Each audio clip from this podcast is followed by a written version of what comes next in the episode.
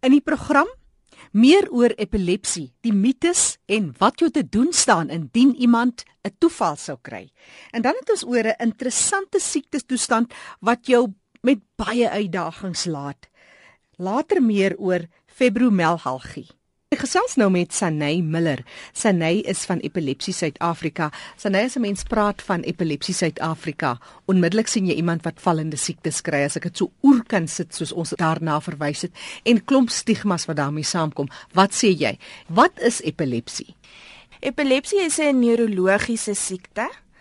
En um soos wat baie mense sê dit is 'n shot wat in die brein plaasvind. Mm, mm, soos 'n kortsluiting. Ja, kortsluiting wat in die brein plaasvind.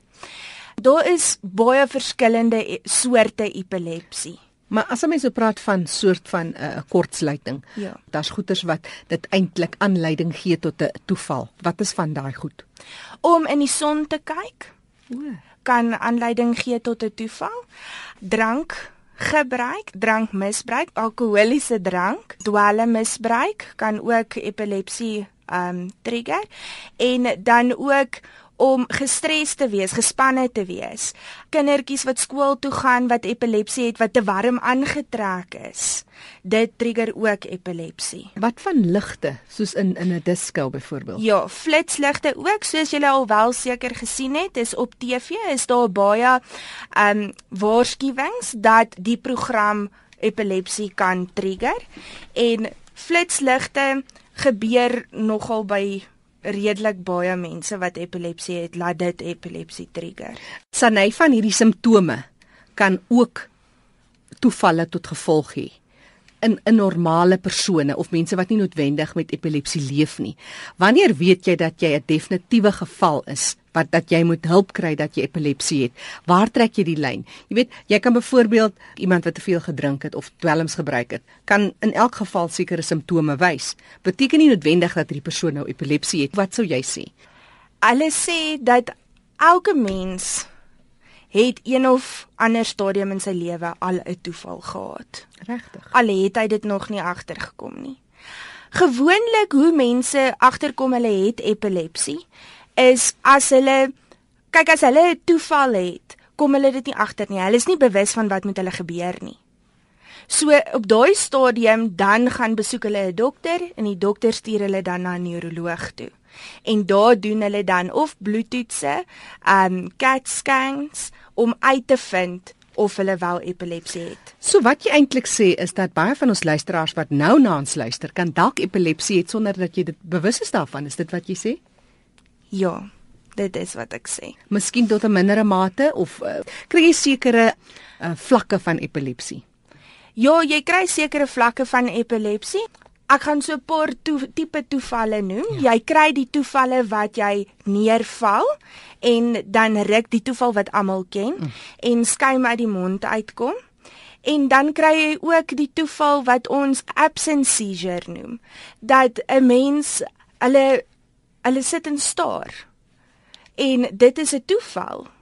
En hulle weet nie wat om hulle aangaan nie. As jy met hulle praat, kyk hulle net vir jou en hulle knip hulle oë vir baie lank. So dit is ook 'n tipe toeval. Hoe lank is so 'n toeval omtrent? Die toeval wat die persoon neerval kan duur tot en met 6 minute. As daai toeval langer duur as 6 minute, moet die ambulans dadelik gebel word. En dan die toeval wat ons die absence seizure noem, verskil van mens tot mens. Daar kan ek nie sê hoe lank die toeval duur nie. Is epilepsie meer 'n ouer mens siekte? Nee, dit is nie. Enige mens kan dit kry. Jy kry kindertjies, babetjies wat daarmee gebore is as gevolg van te min suurstof na die brein. Het hulle dan ook epilepsie wat hulle dan wel kan ontgroei? Dan kry jy ook ouer mense soos daar ons het al gevalle gekry wat mense 80 en 81 jaar oud is wat hulle dan eers begin epilepsie kry. Epilepsie kan met enige iemand gebeur mm. op enige ouderdom maak nie saak wie en wat jy is. En die wonderlike nuus is dit kan uh, deur medikasie heeltemal beheer word. Jy moet net jou medikasie neem. Ja, dit is waar die medikasie wat die neuroloog dan vir hulle gee, moet hulle niks meer of niks minder gebruik nie. Hulle moet die presiese dosis gebruik wat die neuroloog vir hulle gee. En dan mense met epilepsie met onbeheerde epilepsie mag glad nie bestuur nie omdat hulle dan ook 'n gevaar kan wees op die pad vir hulle vir hulle self, hulle eie lewens en dan ook vir die van ander. So wat jy sê as mense hulle jaarlikse ondersoek, mediese ondersoek doen, moet jy eintlik ook spesifiek dan vra vir 'n epilepsie toets. Ehm um, dit kan nog 'n nogal 'n baie duur ondersoek wees om uit te vind of jy wel epilepsie het. Alhoewel meeste mediese fondse dek dit en dan het ons ook ons staatshospitale waar jy ook kan gaan om uit te vind of jy wel epilepsie het. En dit kan nie deur net 'n gewone bloedtoets gedoen raak nie. Ja, dit kan. kan. Hulle hulle toets sekere vlakke in jou bloed en ehm um, dit kan ook dan net by 'n neuroloog of by 'n dokter wat bekend is met epilepsie gedoen word. Wat is van die goed wat jy met ons deel vandag oor die interessanthede van epilepsie? Jy kry verskriklik baie stigmas wat epilepsie aanbetref. Soos byvoorbeeld ons het al gehoor dat jy moet 'n lepel in iemand se mond sit as hulle 'n toeval kry, wat glad nie waar is nie, want die oomblik as 'n persoon 'n toeval kry, sluit hulle kakebene. So as jy 'n teelepel of 'n pen in iemand se mond indruk, kan jy hulle tande beskadig, hulle kan hulle tande breek of soos ons al gehoor het, die die pen splinter en dan steek dit in hulle mond in of in hulle uh, mondvliese in. En dan het ons ook al gehoor dat jy moet 'n stinkskoen voor iemand se neus hou en dan sal die toeval dadelik ophou. Wat ook bizar is. So wat moet jy doen? Wat jy moet doen is moenie weghardloop nie, nommer 1. As iemand 'n uh, toeval kry, dan draai jy hom in die fetusposisie of ons noem dit die recovery position. Dit is nou op die sy. Ja, op die sy. Lig hulle bene op hulle kop half agtertoe laat die lugweg lekker oop is. Jy bedoel nou nie oplig, jy bedoel eintlik 'n uh, skuif. Ja. Jy, jy skuif dit net dat die knieë na die ribbekas toe bietjie. Ja, ja, jy hmm. skuif die bene 'n bietjie op na die ribbekas toe en dan dan skuif jy die hulle ehm um, koppe bietjie agtertoe dat die lugweg lekker oop is. Jy moet dadelik ten alle tye jou horlosie dophou. Jy skuif enige voorwerpe wat die persoon kan seermaak omdat hulle verskriklik baie beweeg en gedurende 'n toeval hulle baie sterk is. Moet jy alle goed wat gevaarlik vir hulle kan wees, soos 'n glastafel wegskuif en dan ook alle klere soos um dasse en 'n bril en um 'n beld moet jy verwyder en dan ook net vir hulle by hulle wees en vir hulle sê dat alles gaan oukei okay wees. Ek mm. is hierso. En heeltyd met hulle praat. En dan as jy na die, tyd kyk en die tyd duur langer as 6 minute, moet jy dadelik 'n ambulans bel. Daai persoon is glad nie by sy bewussyn nie. So na die toeval kan jy vir hom sê wat nou met hom gebeur het en jy het 'n toeval gehad en moenie worry nie, alles is oukei okay. mm. en hom rustig maak want na 'n toeval is hulle gewoonlik baie verwar en hulle is hulle is moeg. Hulle is verskriklik moeg. Is epilepsie genetiese siekte? Daar is 'n groot vraagteken op daardie vraag. So dit kan ek ongelukkig nie op hierdie stadium antwoord nie. En kom dit meer in sekere groepe voor? Daar's nie 'n onderskeid in wit of swart nie, ook nie ouderdomme nie. Enige iemand kan epilepsie kry. Ook nie meer mans as vroue of enige iets nee, in die opsig nie. Nee, glad nie. Hulle sê ook dat 1 uit elke 100 mense in Suid-Afrika het epilepsie. Ja, dit is. Dit is baie. So vir mense wat meer wil weet of sommer net wil praat met iemand, help soek, watse nommer sou jy vir of kontakbesonderhede gee jy vandag vir ons? Hulle kan ons skakel by 011 816 2040 of hulle kan vir ons 'n e-pos stuur by pro.epilepsy.org.za. En daai epilepsie is met 'n S A aan die einde. Ja, met 'n S A aan die einde. So P R O dis nou vir soos public relations officer. Ja. Dis nou jy. P R O .gp vir Gauteng provinsie by epilepsie en dit is met 'n y op die einde dis die Engelse epilepsie.org. Ja, ek herhaal. P R O .gp by epilepsie www.epilepsie.org of jy kan hulle skakel by Epilepsie Suid-Afrika, dis 011 Johannesburg kode. Die nommer is 816 2040. Sanay Miller wat met ons gedeel het oor die interessanthede, die mites en raad oor epilepsie. Vir ons volgende bydrae aan die program Leefwêreld van die Gestremde, sluit ons aan by Fanie De Tooy. Baie dankie Jackie. In 'n vorige program het ons gesels oor fibromialgie. Nou ja, navraag het behoorlik ingestroom daarna. Baie mense wil meer weet daaroor, maar is baie interessant dat mense vra om te luister na die betrokkene self, die mens en die impak op die persoon en hoe hierdie persoon, die betrokkene, dan hierdie siekte toestand ervaar en in die gemeenskap dan integreer. Nou daarom gesels ek nou met Alida Potgieter. Welkom by RC Alida. Hallo Fani. Alida, jy is iemand met fibromialgie en uh, vertel ons 'n bietjie die simptome daarvan.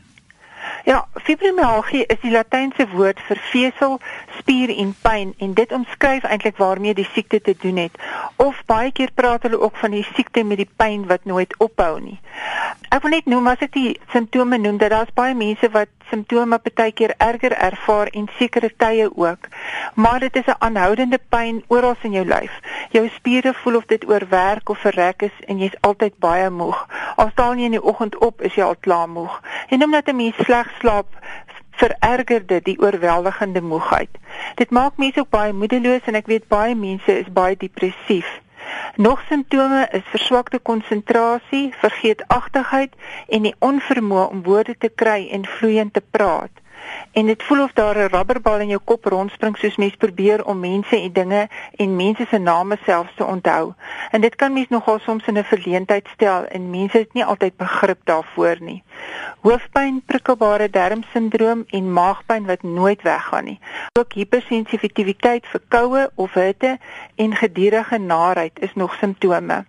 Velsensitiwiteit soos dit voel wanneer jy sonbrand opgedoen het of as jou lyf as jy griep het met daai seer lyf, jou vel is seer en teer en aan aanrakings is is nie lekker nie. En dan kan soms op slegte dae kan 'n mens se vingerpunte en tone baie sensitief wees en hulle vertoon ook baie blou.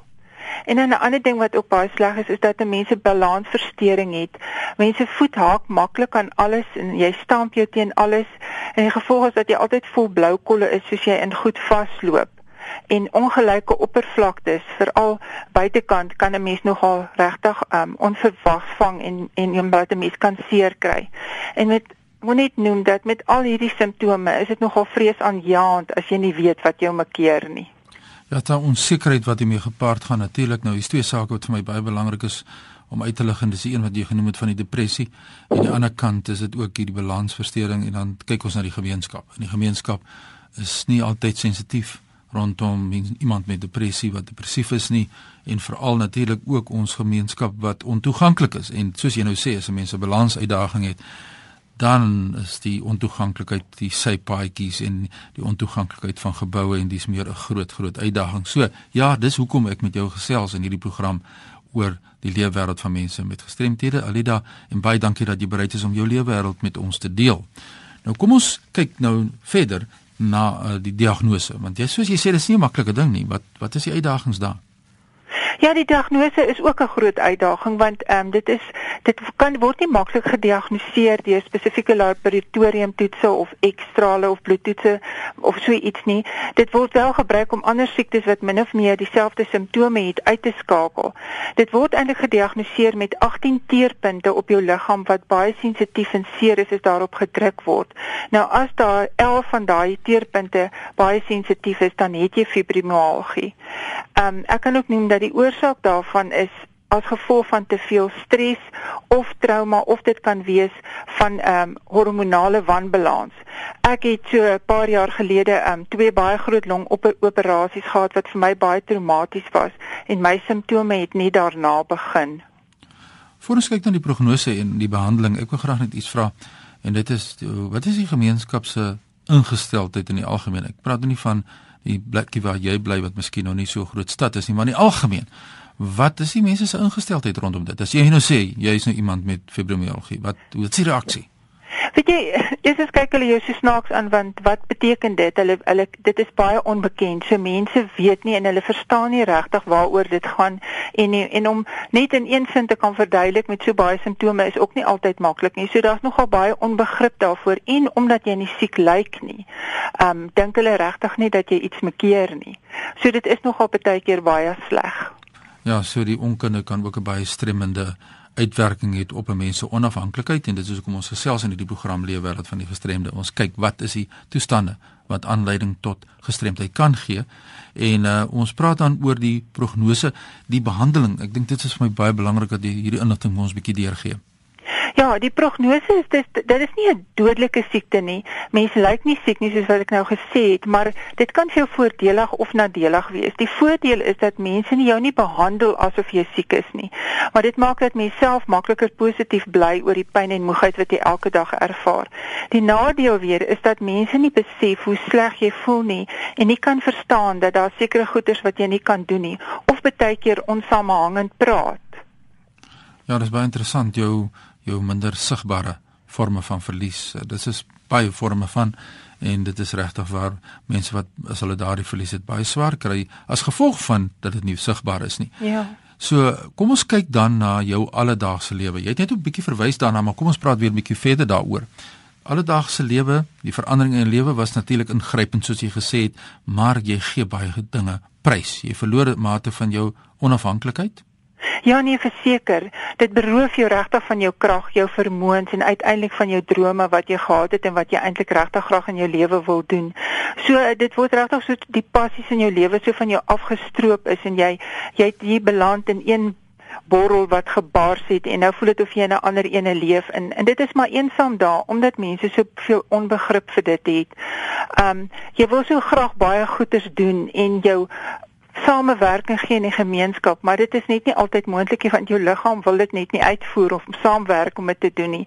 Die gedurende moegheid, die pyn, die slapeloosheid, daar maak ook dat mens baie drastiese aanpassings moet maak in jou lewe. En dit is nie altyd maklik om dit te aanvaar en te verwerk nie.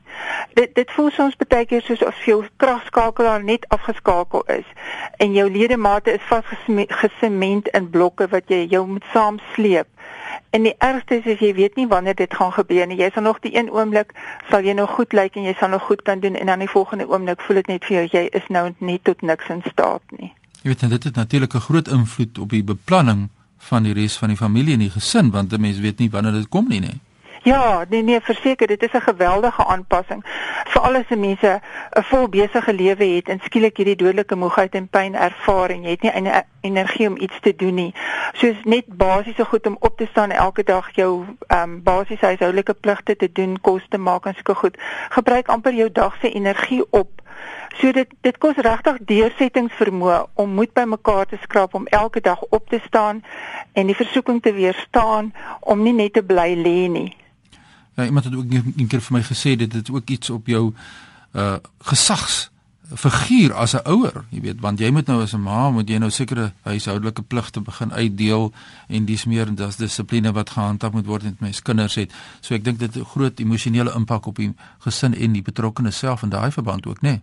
Ja, nee, verseker, dit het 'n groot aanpassing in jou gesin en ek dink wat 'n mens net moet doen wat ek nie in die begin gedoen het nie, is dat 'n mens moet regtig jou gesin inlig oor waartoe is jy in staat en waartoe nie, dat hulle inligting het en verstaan waaroor dit gaan. Ehm um, so daar is sekere gesinsaktiwiteite wat 'n mens net nie meer kan doen nie en dit is maar moeilik vir hulle om om dit te verstaan omdat jy nie regtig siek lyk nie. Ja. Maar ehm um, as mens eers gediagnoseer is en die siekte het 'n naam en mens kan meer inligting kry daaroor, dan maak dit nogal beter dat 'n mens daarby by kan berus. Maar ek moet sê ek is baie gelukkig. My man en kinders ondersteun my baie goed daarin. Maar ek weet ek het al met baie mense gepraat wat regtig dink dat hulle gesinne dink hulle het epikoners. Hulle mekeer eintlik niks omdat hulle nie siek lyk nie. En vir sulke mense is dit regtig baie swaar. Ja, dis hoekom ons kyk na gestremdheid dan sê ons okay, 'n mens kan gestrem word deur twee goed, jy weet, een is die fisieke omgewing wat ontoeganklik is, maar die ander is uh, baie duidelik ook in die wetgewing. Dit is die ingesteldheid en die houding van mense wat mense geweldig kan strem uh, as gevolg van sekere ingesteldheid wat mense het teenoor ander forme of verskillende forme van verlies. Ja, dis baie waar wat jy nou sê daar. So jy sê vir my baie duidelik dat jy kan kwaliteit van lewe hê. Uh hoe doen 'n mens dit? Ja, daar's maar sekere goedes wat mens aanpassings voor moet maak. Die eerste ding is is dat mens met regtig goed vermy wat vir jou baie uitputtend is en jou simptome erger maak. En wees ook baie versigtig vir negatiewe denkpatrone of negatiewe gedagtes. Bly positief dink want dit help tog dat jy elke dag meer kan doen. En dan moet mens ook leer om stres baie beter te hanteer en nie te hoë eise aan jouself te stel stel nie en vermy emosionele stres. Moenie betrokke raak by goeders wat jy weet wat vir jou emosioneel gaan ontstel nie.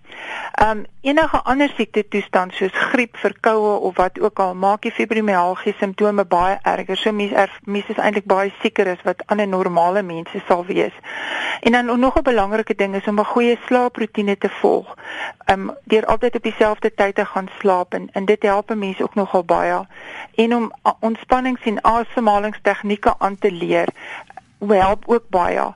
Dan oefening vir 'n kort tyd, weet dit is aanvanklik om te begin te gaan stap of strek oefeninge te doen is baie pynlik, maar as jy mens net aanhou daarmee dan word dit tog later baie beter en dit maak die pyn op die lange duur minder.